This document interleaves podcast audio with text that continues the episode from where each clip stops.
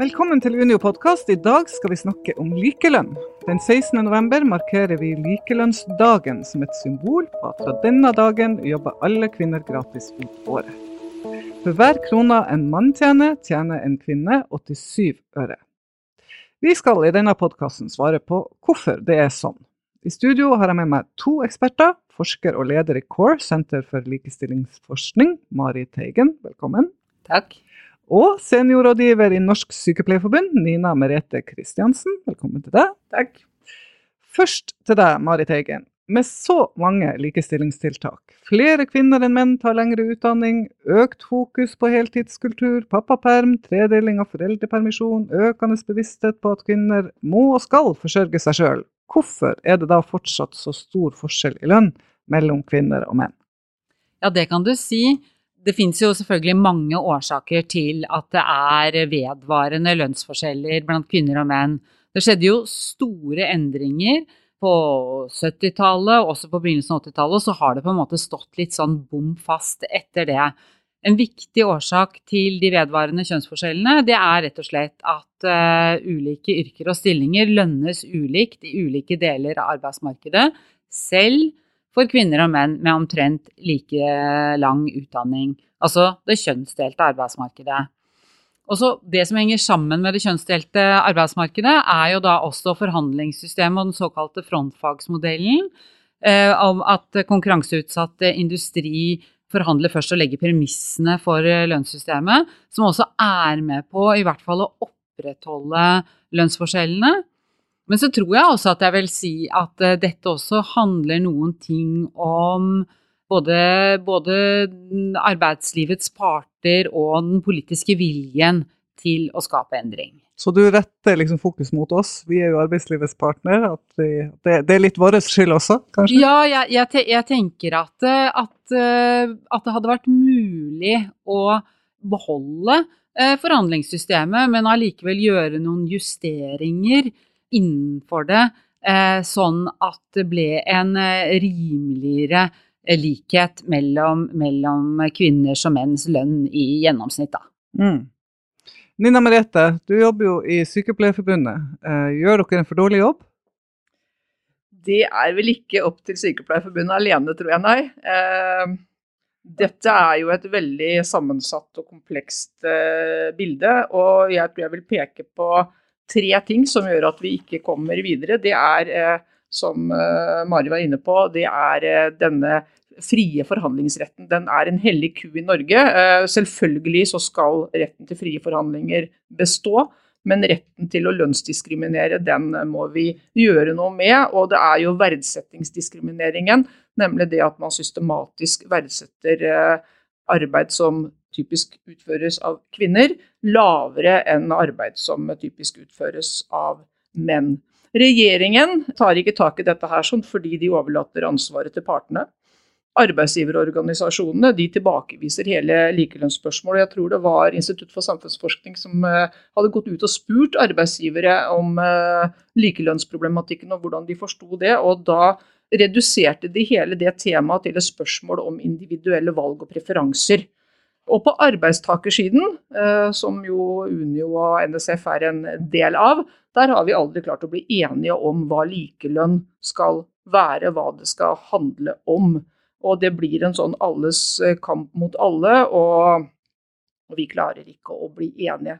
Mm. Og, og, når jeg sier det, så handler det jo også om en aksept av at likelønn og lavtlønn er ikke det samme den eh, er vanskelig for eh, LO å ta, selv om også organisasjonene eller forbundene i LO eh, sliter jo med de samme tingene. Det er jo også forbund der som organiserer kvinnedominerte utdanningsgrupper, og som sliter med de samme utfordringene som det Sykepleierforbundet gjør.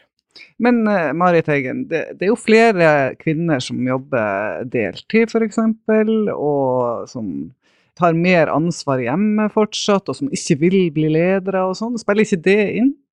Hvis vi snakker om uh, de såkalte bruttolønnsforskjellene, hva kvinner og menn i Norge tjener i gjennomsnitt, så er jo deltid en viktig forklaring på hvorfor kvinner tjener skal vi se, hva blir det, noe sånn 68-69% av det eh, det menn tjener i, i, gjennomsnitt. Men når vi ser på timelønnsforskjellene, så er ikke, så er ikke eh, deltid en viktig forklaring. Altså der vi finner den tyngste konsentrasjonen av kvinner, er jo også i de yrkene som f.eks. SSBs framskrivninger viser et størst, størst behov for arbeidskraft i tida framover. Så jeg tror på en måte at, vi, at, det kanskje er på tide litt å parkere eh, dette med, med, kvinners valg og menns valg som en årsak til eh, lønnsforskjellene.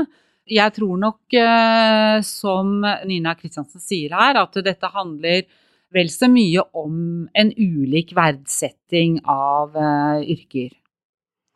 Men hvorfor er det sånn, da? Hvorfor verdsetter vi ulikt Eh, en sykepleier og en ingeniør, som vi jo ofte sammenligner, da? Det er et eh, godt spørsmål. Altså Likelønnskommisjonen, som eh, det begynner å bli en stund siden de kom med sin rapport nå, men den er jo høyst relevant fortsatt.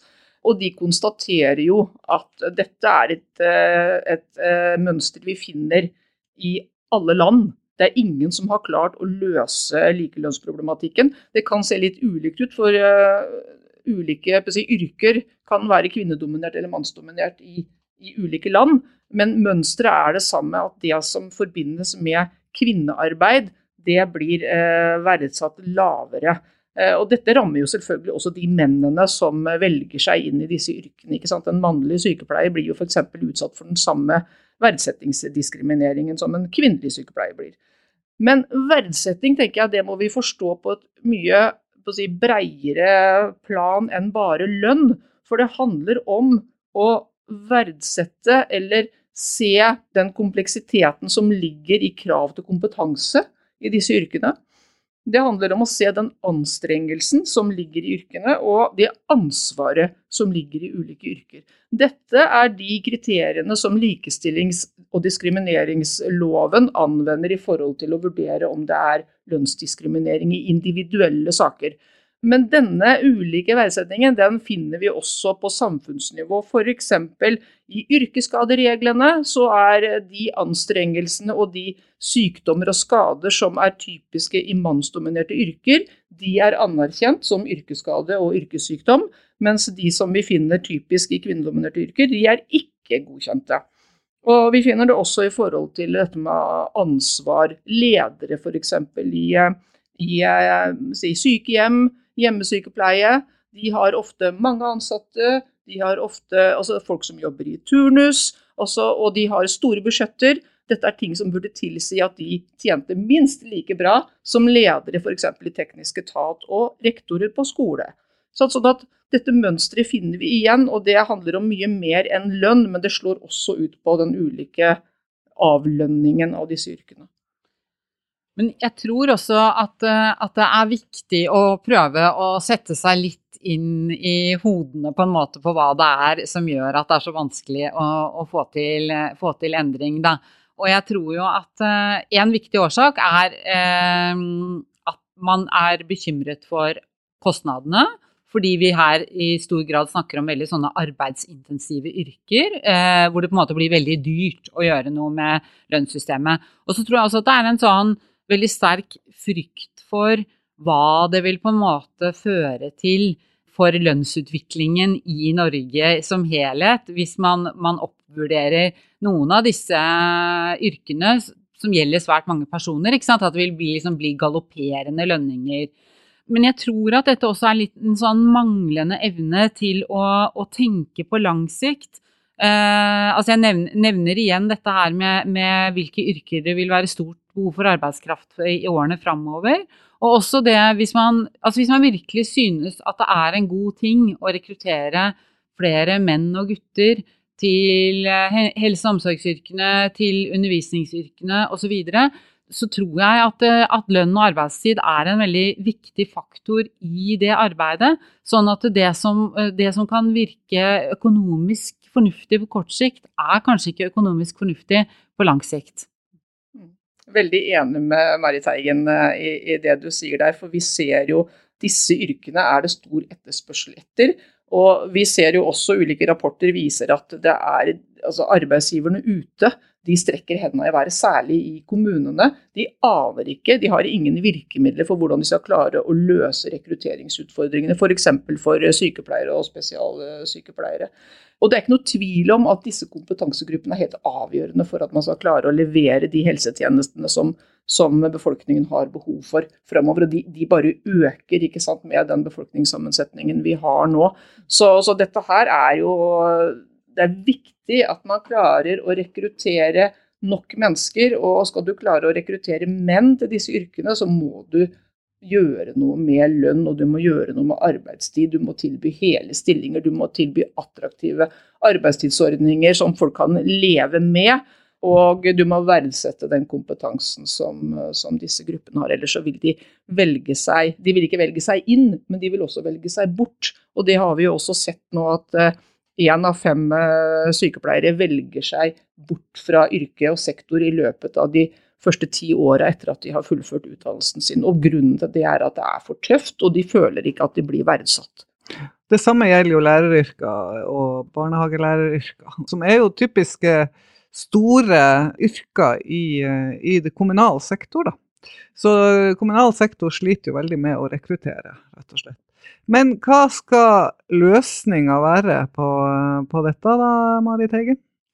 Ja, nei, altså jeg, jeg, har ikke, jeg, har ikke, noe sånn veldig klart svar, men det som jeg i hvert fall føler meg mer og mer sikker på, det er at uh, hvis man vil gjøre noe med det kjønnsdelte arbeidsmarkedet, så må man jobbe med lønn og arbeidstid og arbeidsvilkår. Uh, og så er det klart at uh, altså, altså, det som Nina Kristiansen sa i stad om at den frie forhandlingsretten er en hellig ku, det er jeg enig i, og det har den vært, vært, lenge. Sånn at det er klart at gjennom noen sånne diskusjoner rundt på en måte eh, Altså politikken og, og, og, statens ansvar i forhold til, til, lønn. Jeg tror jo faktisk at et problem vi har å gjøre med her, er at det er mange som syns at den forskjellen som eksisterer, på en måte ikke er så alvorlig. At det er eh, greit nok med det som mange da oppfatter som den lille eh, forskjellen. Eh, og det er et, er et, problem som må komme opp på dagsordenen. Mm. Ja, eh, skal vi peke på politikerne, Nina? Er det de som må komme på banen og hjelpe oss? Ja, altså da vi svarte ut Likelønnskommisjonen, så sa jo vi at dette her er ikke noe som eh, partene i arbeidslivet greier å fikse alene. Og Grunnen til det er at det er tariffoverskridende utfordringer. Man klarer ikke å løse likelønnsutfordringene innenfor de enkelte tariffområdene. ikke sant? Og de har ikke penger nok, disse si, offentlige tariffområdene som, eh, som skal ivareta alle disse kvinnedominerte eh, gruppene. Sånn at eh, man trenger bistand, man trenger noen politikere, eh, eh, Stortinget, som tar et ansvar i forhold til å følge opp f.eks. det som FNs kvinnediskrimineringskomité gang på gang har påpekt. At man må ta et politisk ansvar for å sørge for at, at man ikke utsettes for, for strukturell diskriminering med bakgrunn i kjønn og lønn. Så, sånn at de, de, har et ansvar for å bidra til å løse disse, men det er ikke de som skal løse det for oss. Så må, så må arbeidslivets parter sette seg ned og bli enige om å lage en forpliktende opptrappingsplan over ganske lang tid, men de må ta utgangspunkt i der hvor disse utfordringene er dokumentert størst. Mm. Og så må vi få et kall det solidaritetsalternativ, hvor andre grupper må finne seg i at de kanskje må bli stående litt igjen på plattformen. Så det er sånn at hvis noen skal få mer, så må noen få mindre. Og det er kanskje da på tide at man eh, tilgodeser i solidaritetens navn at de kvinnedominerte utdanningsgruppene kan få noe mer, fordi de har blitt hengende etter i så mange år. Tida får vise om, om vi får til et nytt solidaritetsalternativ i likelønnas navn, så å si. Denne podkasten om likelønn eh, er slutt. Eh, jeg oppfordrer alle til å markere likelønnsdagen mandag den 16. november. Sjekk nettsida likelønn.no for mer informasjon. Jeg heter Nora Sørensen, og jeg takker ekspertene våre, forsker og leder for CORE, Senter for likestillingsforskning, Marit Eigen, og seniorrådgiver Nina Merete Kristiansen i Norsk Sykepleierforbund.